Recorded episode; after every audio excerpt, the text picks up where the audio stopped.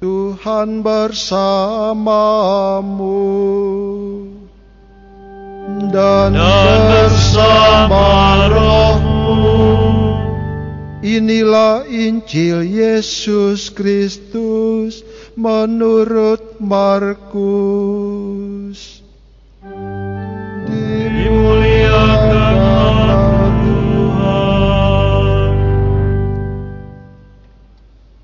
Sesudah Yohanes Pembaptis ditangkap, datanglah Yesus ke Galilea memberitakan Injil Allah. Katanya, waktunya telah genap, kerajaan Allah sudah dekat. Bertobatlah dan percayalah kepada Injil.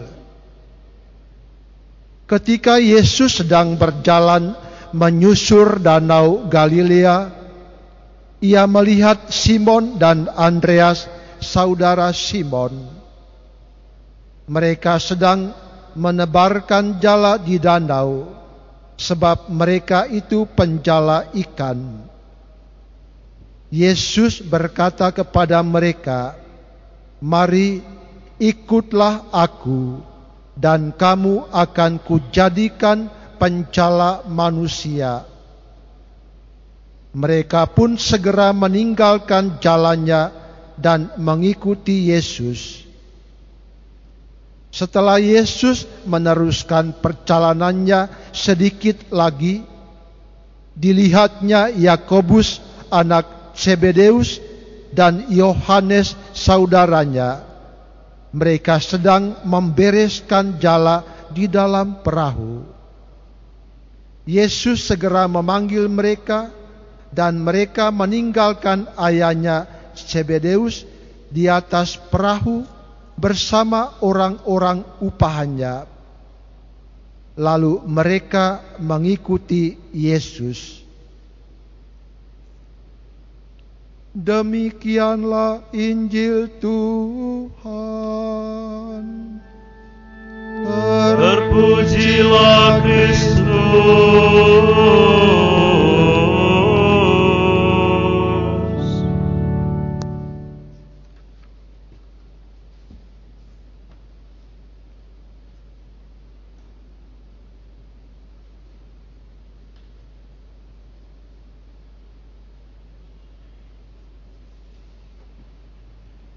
Saudara-saudari umat Tuhan yang terkasih.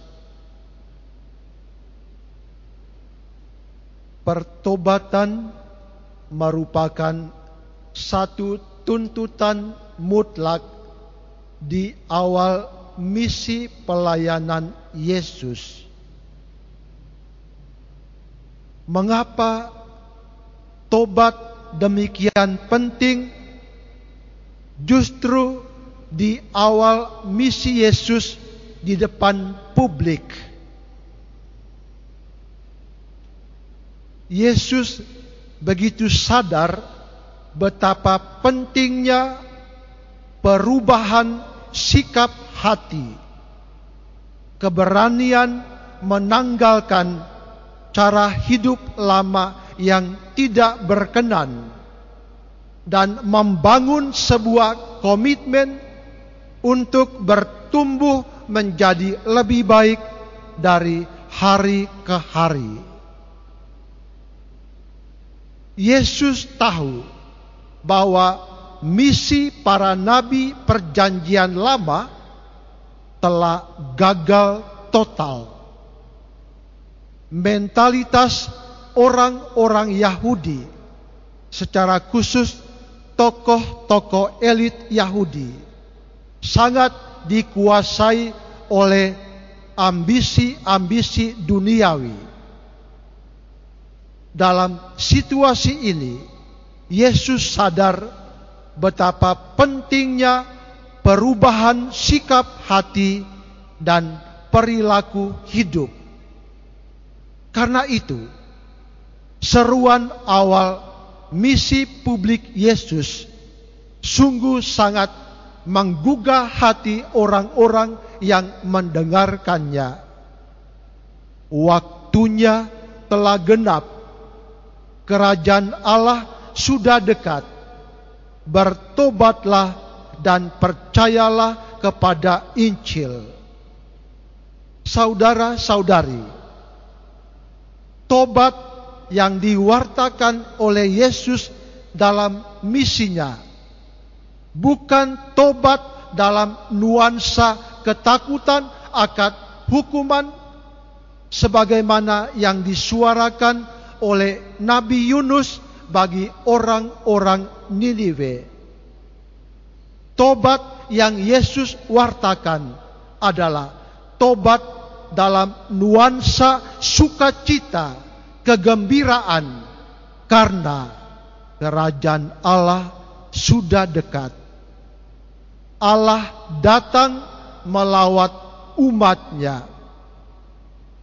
Itulah yang membuat Yesus begitu sadar betapa pentingnya seruan awal pertobatan ketika Yesus tampil dalam misi publik. Seperti apa tobat yang Yesus kehendaki? Saudara-saudari terkasih, janji-janji perjanjian lama mulai digenapi ketika Yesus tampil dan bersabda, "Waktunya telah genap, kerajaan Allah sudah dekat." Waktu Allah mulai digenapi, dan orang-orang yang mendengarkan pewartaan Yesus tidak lagi hidup dalam zaman janji-janji sebagaimana janji-janji dalam misi para nabi perjanjian lama.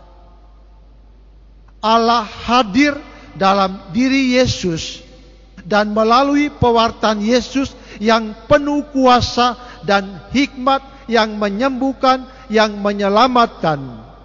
Allah menyatakan kuasa ilahi bagi orang-orang yang mendengarkan pewartaan Yesus.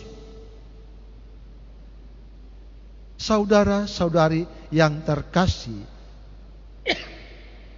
seruan pertobatan di awal misi pelayanan Yesus ditanggapi oleh orang yang mendengarkannya.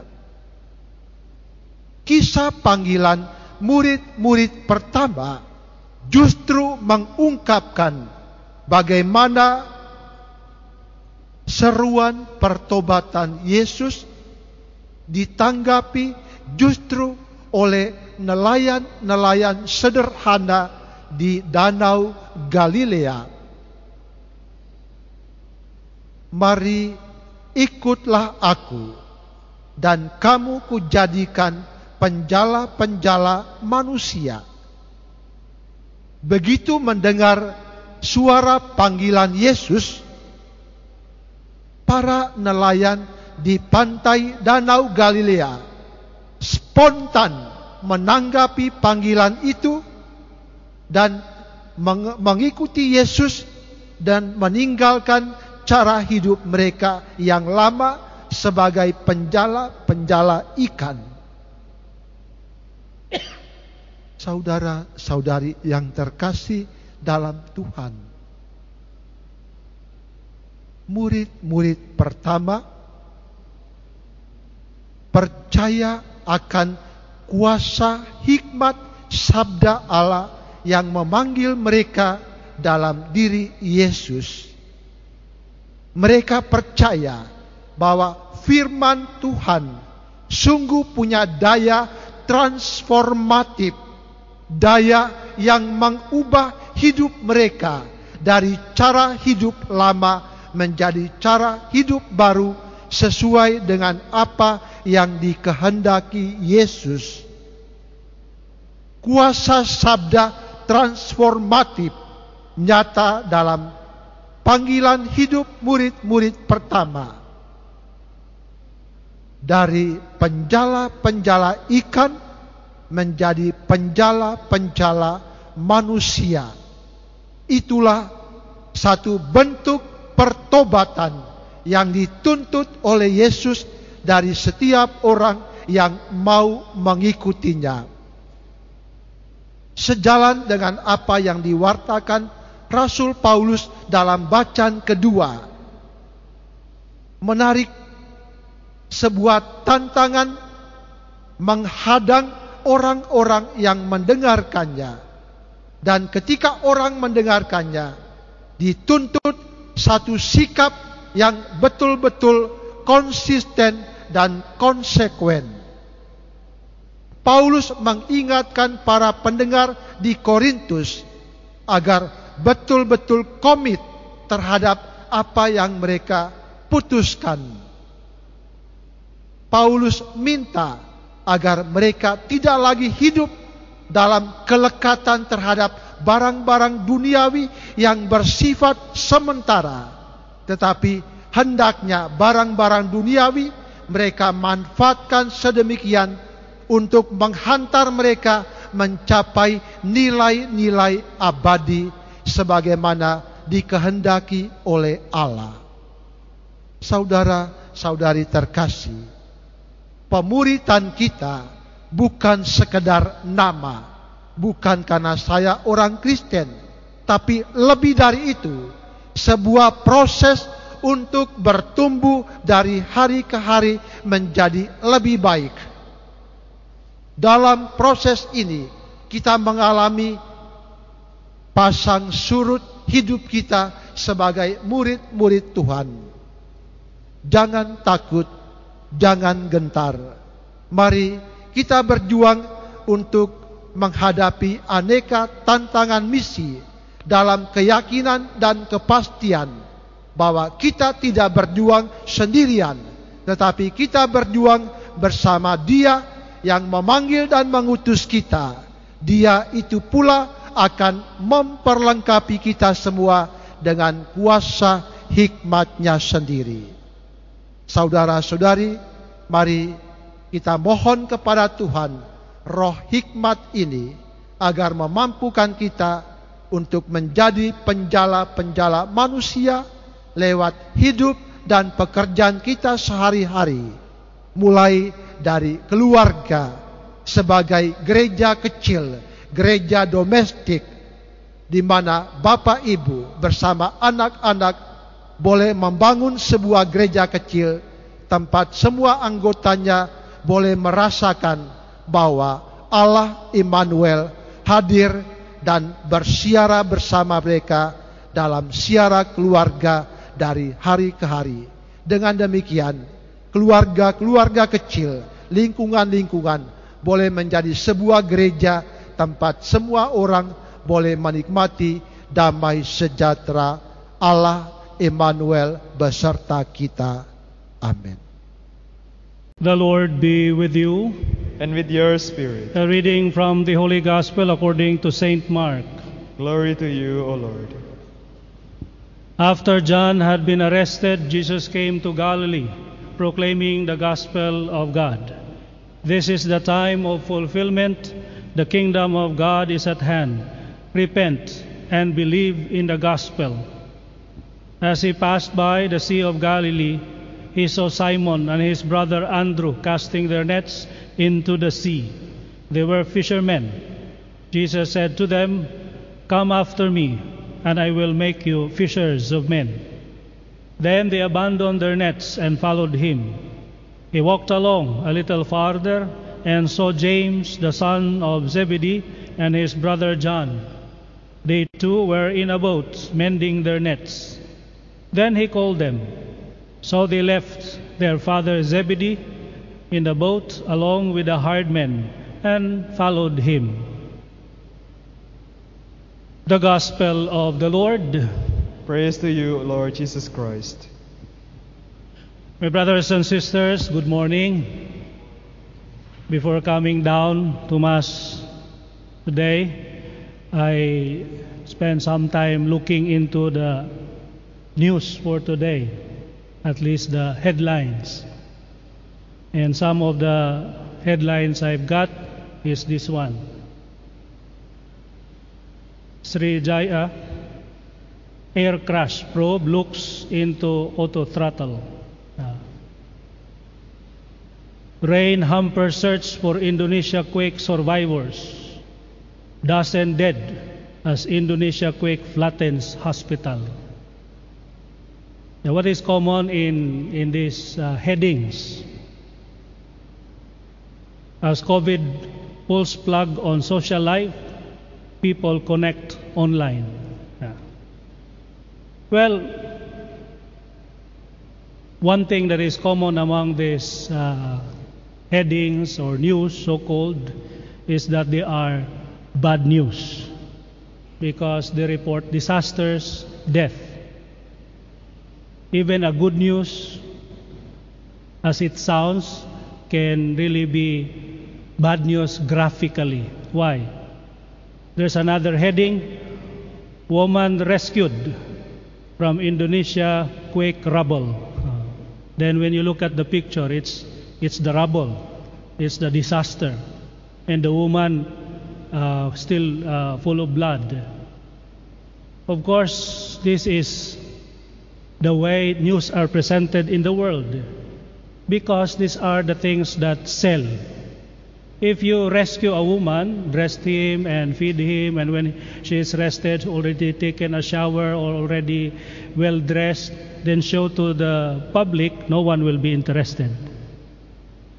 Uh, everybody now as if addicted to a sight of a person suffering.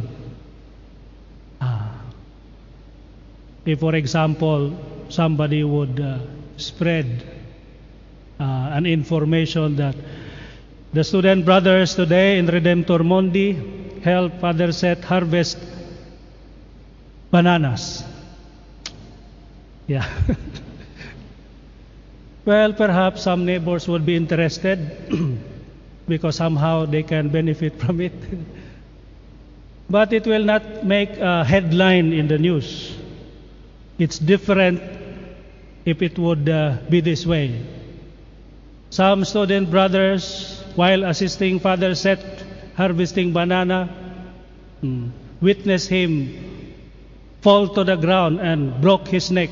Now he is quadriplegic. now that's news. Why? Because somebody broke his neck and now quadriplegic. We are so uh, addicted to bad news that even if a slight insinuation only, perhaps even in this homily, somebody must have heard, oh, Father Seth told about uh, him falling and. What? Re- really? so without verifying, they would like to embellish it. What hospital now? Mungkin perhaps in uh, Arcaset. Oh, in Arcaset. Uh, then it will spread. Because people are excited to hear bad news. Meaning a news of disaster. Somebody uh, broke his leg, uh, broke his neck, or dead. Hmm. Uh, that's the way of the world. We love bad news. Why? Because we are so bombarded by it. And it becomes a habit. Now it becomes a habit, good or bad, it becomes enjoyable. Enjoyable. So we are reminded today, in today's gospel, that we are called by God not to spread bad news, but to spread good news. Ah. The way of the world is the spread of bad news. The way of the Lord is to spread good news. That is our calling. Just like Peter and Andrew, James and John, the apostles, we as Christians or as Catholics are called to spread the good news. And what is the good news? The good news is our Lord Jesus Christ has resurrected from the dead. And He is the truth, the way, and the life. That is why, if there is anything that we bring to people, let it not be bad news, but good news. And that is our Lord Jesus Christ. Let us exert effort of bringing people closer to God. The Blessed Mother did it physically and really. And that is why John the Baptist, in the womb of his mother Elizabeth, leapt for joy. Why? Because the Blessed Mother was there, bearing the good news, our Lord Jesus Christ, in her womb. Ah, that's our calling. Every time we proclaim the truth, then we are spreading good news. Every time we bring hope to people, then we are bearers of good news.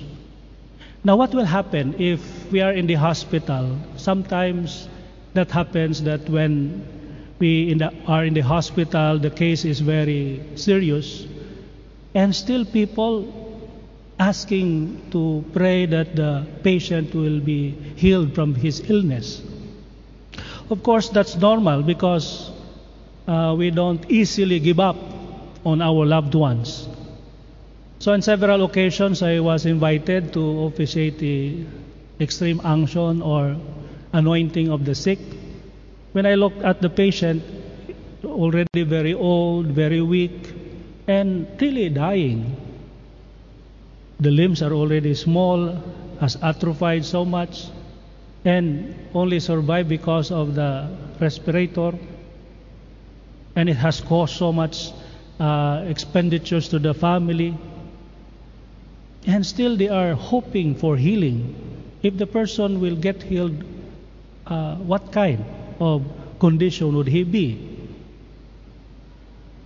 It's not so much of giving up hope, but rather accepting reality and hoping for something else. Because hope, what is hope? Hope is clinging to the fact or to the truth that whatever happens, everything will still be meaningful. Ah. Other people would equate hope for life. So when there is death, there is no hope.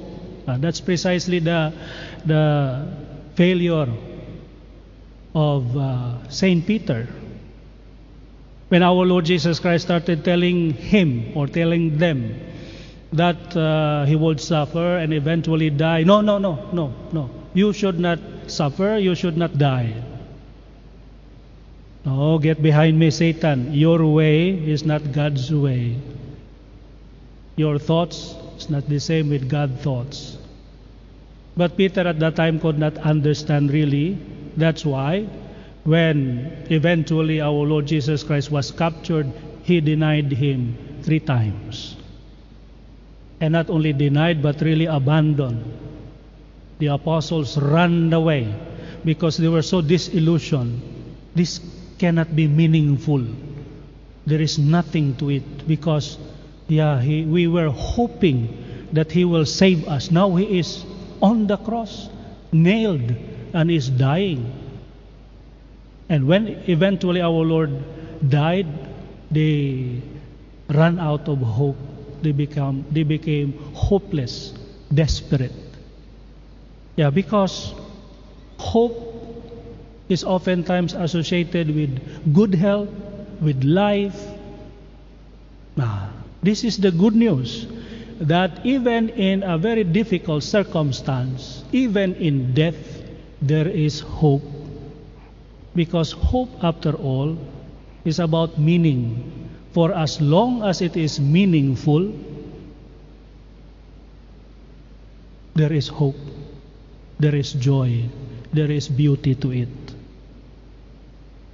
And we are called to not only to preach truth, hope, but also the promise, to spread the promise of God of immortality and salvation. He promises immortality, life without end, and salvation for those who will embrace Him. Ah, that is why our calling, first and foremost, is not to simply tell people the truth, but re- really live it in our lives. Let us be bearers of truth in the sense that we ourselves are truthful we ourselves are hopeful, we ourselves are saved. That is why in today's gospel we are also reminded to repent and believe. Repent and believe. Because with repentance, then we are united back to the Father. And with faith, we cling to Him and we hold on to Him. And our life becomes stable because we have repented our sins, become faithful to God, and believe in Him. Then we can be true bearers of truth, of hope, and of love. Then we become good news ourselves. To wherever we come, to whomever we meet, we are to them good news because they can see in us truth, hope, and love. That is why, yeah, even in this, uh, so many people are already hungry for coming together and be one again in celebration. We still, we decided to be patient more. Uh, anyhow, the vaccine is about to come. Then just be united online at least. Why? Because if we gather together, when we encourage people to come, to travel, and to mingle, then sometimes we become bad news to one another. Because one, only one person got infected, it can spread. And then we will now supply news to the world. And that is bad news. Because many people are infected. People are dying. Ah. So instead of agents of bad news, the invitation is for us to be bearers of good news. So let us spend this time, this time of uh, quarantine, isolation, when we are forced to be at home, to really live a life at home with a family, live a more healthy life, uh, do gardening, exercise regularly. Because before, we can validly say we have no time yeah, because people wake up early in the morning because they have to beat the traffic, they have to report to work, mm. and then come home late, so tired. So there's no really time to mingle and to share quality moments with one another. But now, traveling time is taken from us. So we have so much time. We, no, we do not anymore wrestle with traffic. Uh, for those people who are still reporting to office, the traffic is less heavy than before. Meaning we are more relaxed. If we are to look for the good thing about this present COVID pandemic, it is giving us time, giving us space to relax, to be mindful of one another. And this is the time to nurture, to develop ourselves. Let us become good news to one another. And let that good news start in us. And then through us. In us, by becoming good news ourselves, let us be healthy, exercise regularly, eat healthy food. And then, yeah, prevent from being infected. Once the vaccine is already there, then we can be more free moving around. But for now, be patient. Be patient.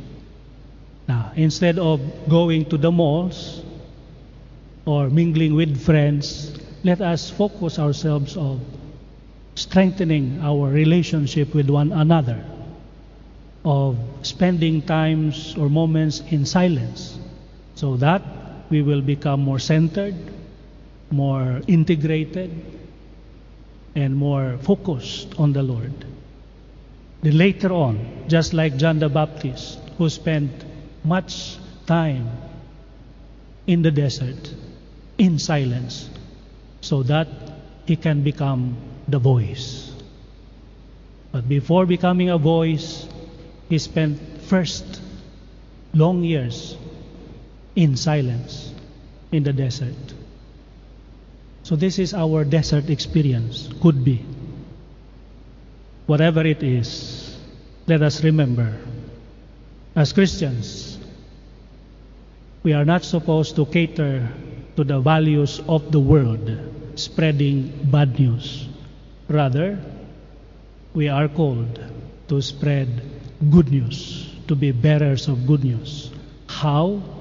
By first becoming good news ourselves. We can preach good health if we ourselves are healthy. We can preach about salvation if we ourselves are close to God. So let's strive for that. Then we will be ready to respond to the call of the Lord to be bearers of good news, to be fishers of men. Amen.